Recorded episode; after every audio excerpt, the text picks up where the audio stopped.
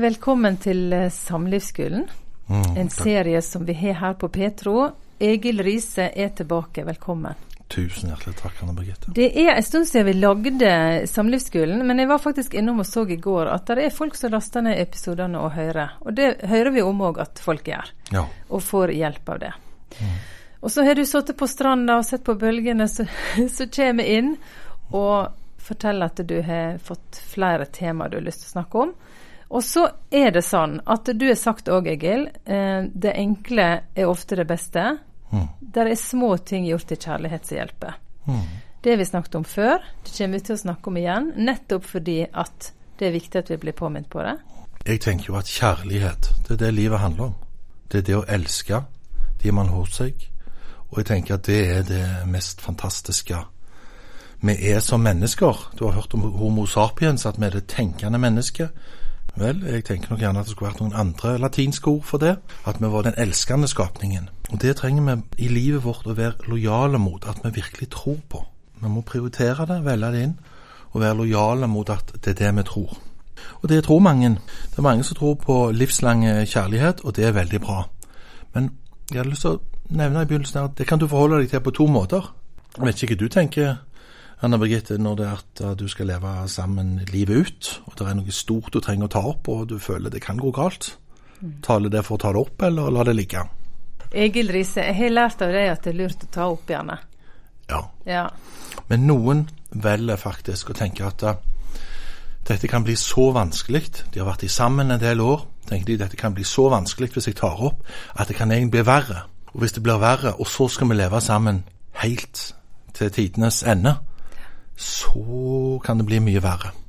Men det som er så sørgelig med det, at man holder ekteskapet hellig, eller at man har tro på liksom å leve, har bestemt seg for å leve sammen livet ut, det er jo disse gangene når man lar ting ligge, fordi da forvitrer egentlig vennskapet uansett. Det som ligger mellom, fører til avstand, mindre intimitet, mindre vennskap, mindre kontakt, og så ender man opp med et liv i hver sin ende av hjørnesofaen. Da blir det å holde det ut, da. Ja, det, det akkurat det. Det er ikke bra. Jeg tenker jo mer sånn at det er ikke et mål å være uskilt. Nei, det må du forklare. Hva betyr det ordet? Jeg har ikke hørt det ordet før. Nei, jeg har ikke heller hørt det ordet før, men det er et veldig godt ord. Uskilt. For det er akkurat som i denne tanken at man skal holde ekteskapet hellig, så er det akkurat som man skal bare ikke skille seg. Det er ikke helt det som er innholdet. Innholdet må jo være å ha et ekteskap. Innholdet må være at man elsker hverandre. Ikke at man liksom bare har latt være å skille seg. Det koster ingenting å ikke skille seg. Du kan jo leve på to kontinenter og ikke se hverandre og fortsatt være gift. Men det å ha et ekteskap, det må være målet vårt alltid. Hovedmålet med serien er jo at vi ønsker å si at alltid er håp. Og i dag, eh, Egil, så skal vi snakke om noe som jeg syns er ganske rørende, egentlig. Og det er at det er aldri for seint å ta grep og gjøre ting for å få det bedre. Og det hadde jeg tenkt at uh, Jeg har tenkt å fortelle deg en liten historie om det i dag. Ja, det gleder jeg meg til. Takk skal du ha. For noen sier liksom etter 20 år Nei, ikke vits nå. Så først så er det liksom for tidlig, og så er det for seint. Ja, for noen så er det, tenker de sånn Nei, det får bare være sånn. Men jeg har fått lov å fortelle om et eh, vidunderlig par, 80 år, som etter å ha vært gift i 50 år, kommer til parterapeuten. Så kommer de, og de har det vanskelig. Og dette er jo da ei kone som ja, det har begynt å prege helsen hennes. Eh, at det er vanskelig. Og hun har bestemt seg for Noen vil kalle det å sette foten ned. Jeg vil si hun har bestemt seg for å reise seg opp og ta tak i ting. Hun nekter å ha det sånn som det er. Og egentlig så er det et spørsmål skal vi være gift, eller skal vi skille oss. Så det er jo veldig stort mot å ta grep om ting i en sådan situasjon. 80 år. Fantastisk. Vi jobber sammen. Eh, intenst, sånn som vi kaller maratonterapi. Og vi jobber over måneder. Og de får det bedre. Og ikke bare får de det bedre, men de tar tak i barndommene sine, de tar tak i ungene sine, gjør opp ting og reparerer. Det som er vakkert, er at etter da å ha vært gift i 50 år, så oppsummerer mannen Jeg har aldri kjent meg så elska i hele mitt liv. Og sånn lever han. Og hun, ting som har vært lukka, åpner seg, og hun kjenner på nærhet til mannen igjen. Liker du historien? Liker det veldig godt. Mm. Så skjer det når alt er bra, at han får, en, får vite at han har fått en veldig alvorlig sykdom, og at de er nå Ja, de nærmer seg eh, inn den siste fjorden. Mm. Egentlig det har ikke så lange tid igjen. Han har fred, eh, og de har det bra. Det jeg hadde lyst til å fortelle alle om i dag, ikke bare det gamle paret, men noe som gjelder alle, og det er at når du har fått det bra, mm. når du har fått det bra, så er det mye enklere å reparere når ting går skeis. Er du med? Mm. Når du har det bra, så er det mye lettere å komme på med egentlig venner, reparere og få kontakten når noe har gått skeis. For du kan jo si det på tull, da, at når du har fått det bra etter 50 år, kan du ikke bare ha det bra. Mm. Nei, du er fortsatt bare et menneske. Så en dag så ringer dette paret til meg, og så sier de at nå er det forferdelig.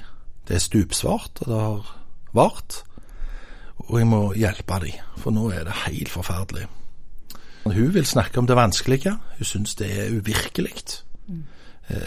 at det her går folk og smiler, han ser frisk ut, og så skal han dø.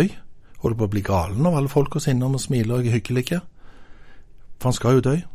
Og han på sin side, han har fred og har det godt. Og han ønsker at de skal ha fokus på det gode, og hun vil snakke om det vanskelige.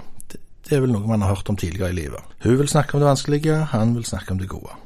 Så sier jeg hjertelig velkommen, og så ler jeg litt, og så sier jeg dette kan vi fikse på 20 minutter. Dette blir bra, la meg sette meg godt til rette, for dette skal vi fikse. Alt skal bli bra på 20 minutter. Så humrer de litt, og så, så går vi i gang, da. Vi kan jo forstå at den gamle mannen som skal dø og har fred, mm ønsker liksom å være i det. Den varhet man får når man er gammel eller skal dø i hjertet. Skjønnheten blir ekstra sterke. Godheten, ømheten, kjærligheten, oppmerksomheten, nærheten. Alt blir liksom enda bedre i en sånn en situasjon. Kan være. Og hva for han? Kan jo forstå det. Men så er det det at hun har erfart i livet sitt at hennes følelser har blitt trukket i tvil, eh, kanskje ikke blitt tatt alvor alle steder hun har vokst og vært. Og Det blir nesten uutholdelig at de nå elsker så inderlig at alt er så veldig, blitt så veldig bra. For det er jo helt forferdelig. Han skal dø, og alle ser vanlige ut. Og det hun har behov for, det er at han sier noe om de alvorlige tingene som har vært i livet. Og det er Du har vært hard med meg òg. Jeg trenger at du sier at du har vært hard med meg. Og så trenger jeg at du sier at du elsker meg sånn som jeg er. Det trenger hun. Så sier jeg, nå skal jeg fortelle deg en ting. Du vet, du skal dø. Og det du har anledning til nå, det er å velsigne kona di. Men noe hun kan ta med seg de neste 15 årene når du ikke er der. Så hvis du forteller henne nå at du kan stole på følelsene sine Det var sant, det jeg har opplevd så lover jeg deg at det skal bare bli bra her når vi snakker etterpå. Så skal du høre, skal du se at det skjer noe kjempefint. Så sier han det, med sine ord og med sine fortellinger, at det òg har vært hardhet. At de har vært gjennom mye. Det er sant, det. Og så ser han dem på henne, og så sier han Jeg elsker deg akkurat sånn som du er. På alle vis. Og det er nydelig. For da blir det nærhet mellom de, og hun trekker inntil han. Man kan se på hele hun at hun kjenner nærhet til han. Bare for han sa at det har vært vondt, så ble alt bedre. Det tok tre minutter. Og så sier han hva behov han har. Så sier han at jeg trenger å si at du sier at jeg har vært en god mann, og at jeg har vært en god far. Det går fint an å si det etter man har sagt at det har vært hardhet at har, den andre har vært god. Så deler hun med han at han har vært en god mann. Med sine fortellinger og sine øyne og sin kontakt. Og så forteller han hvordan han har vært en god far for ungene sine. så rører de ved hverandre og holder rundt hverandre.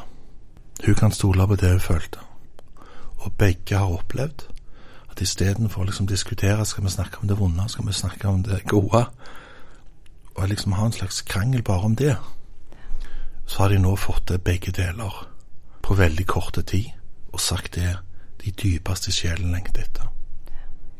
Var ikke det fint? Veldig fint. Det er sikkert uh, ulike ting folk tenker på og blir rørt av i den historien. Men hva er det du fester deg ved?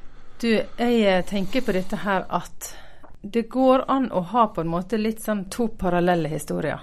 For livet er så utrolig eh, si, alvorlig. Mangslungent. Det kan være så mye alvorlig, og det kan være mye godt.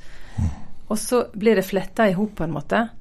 Og så er det livet vårt. Og så er vi opptatt her i Petro òg om å snakke sant om livet. Det skal ikke være noe glansbilde. Sant?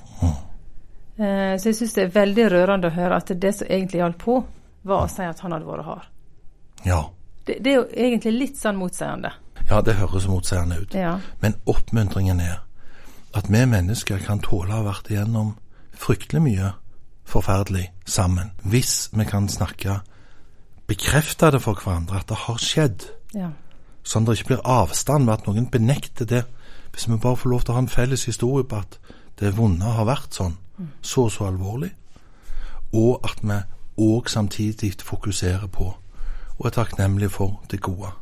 La det stå på siden av en annen, så er det veldig mye et eh, langt og godt ekteskap kan ha rom.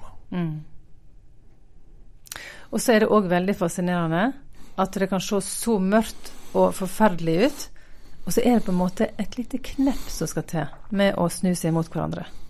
Så er en der igjen. Det er helt sant. Og det var jo en veldig koselig ting at jeg kunne få lov til å si til de og le litt og si nå skal vi ha Nå skal alt bli bra på 20 minutter. Men det har jo den forutsetningen at nå vet jeg på alle vitenskapelige vis at nå er forholdet bra. Derfor kan vi få til å reparere på korte tid. Hva har du å lære oss? Det er mange ting å lære oss. Når ting er bra, så får vi òg stupsvarte dager. Men det er ikke alltid så langt unna å reparere.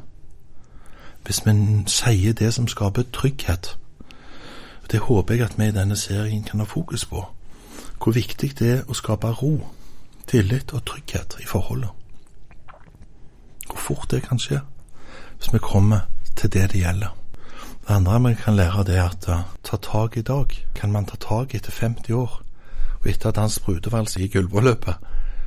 Ja vel, det skulle få lov til å oppmuntre flere til å være modige. Det var ikke en søt historie. Det begynte ikke som en søt historie. Det begynte som en dramatisk historie, der mye sto på spill. Med det å si nå må vi ha en forandring. Men det er mulig. Det er mulig etter 50 år. Så det håper jeg skal oppmuntre oss til at for mange ta tak i det. Ikke lev som uskilt. Ikke bare liksom sørg for å ikke ha gjort noe galt. Vær modig. Vær modig. Vær modig. Vær modig. Og ta tak i livet og kjærligheten, og våg pratene med de som er nærmest. Så er det òg en historie om at det er aldri for seint, og det vil alltid forbedre forholdet hvis noen erkjenner noe de har gjort mot en annen. Det forverrer ikke forholdet å si hvordan det er, eller hva man har gjort. Det er nesten alltid forbedre forholdet.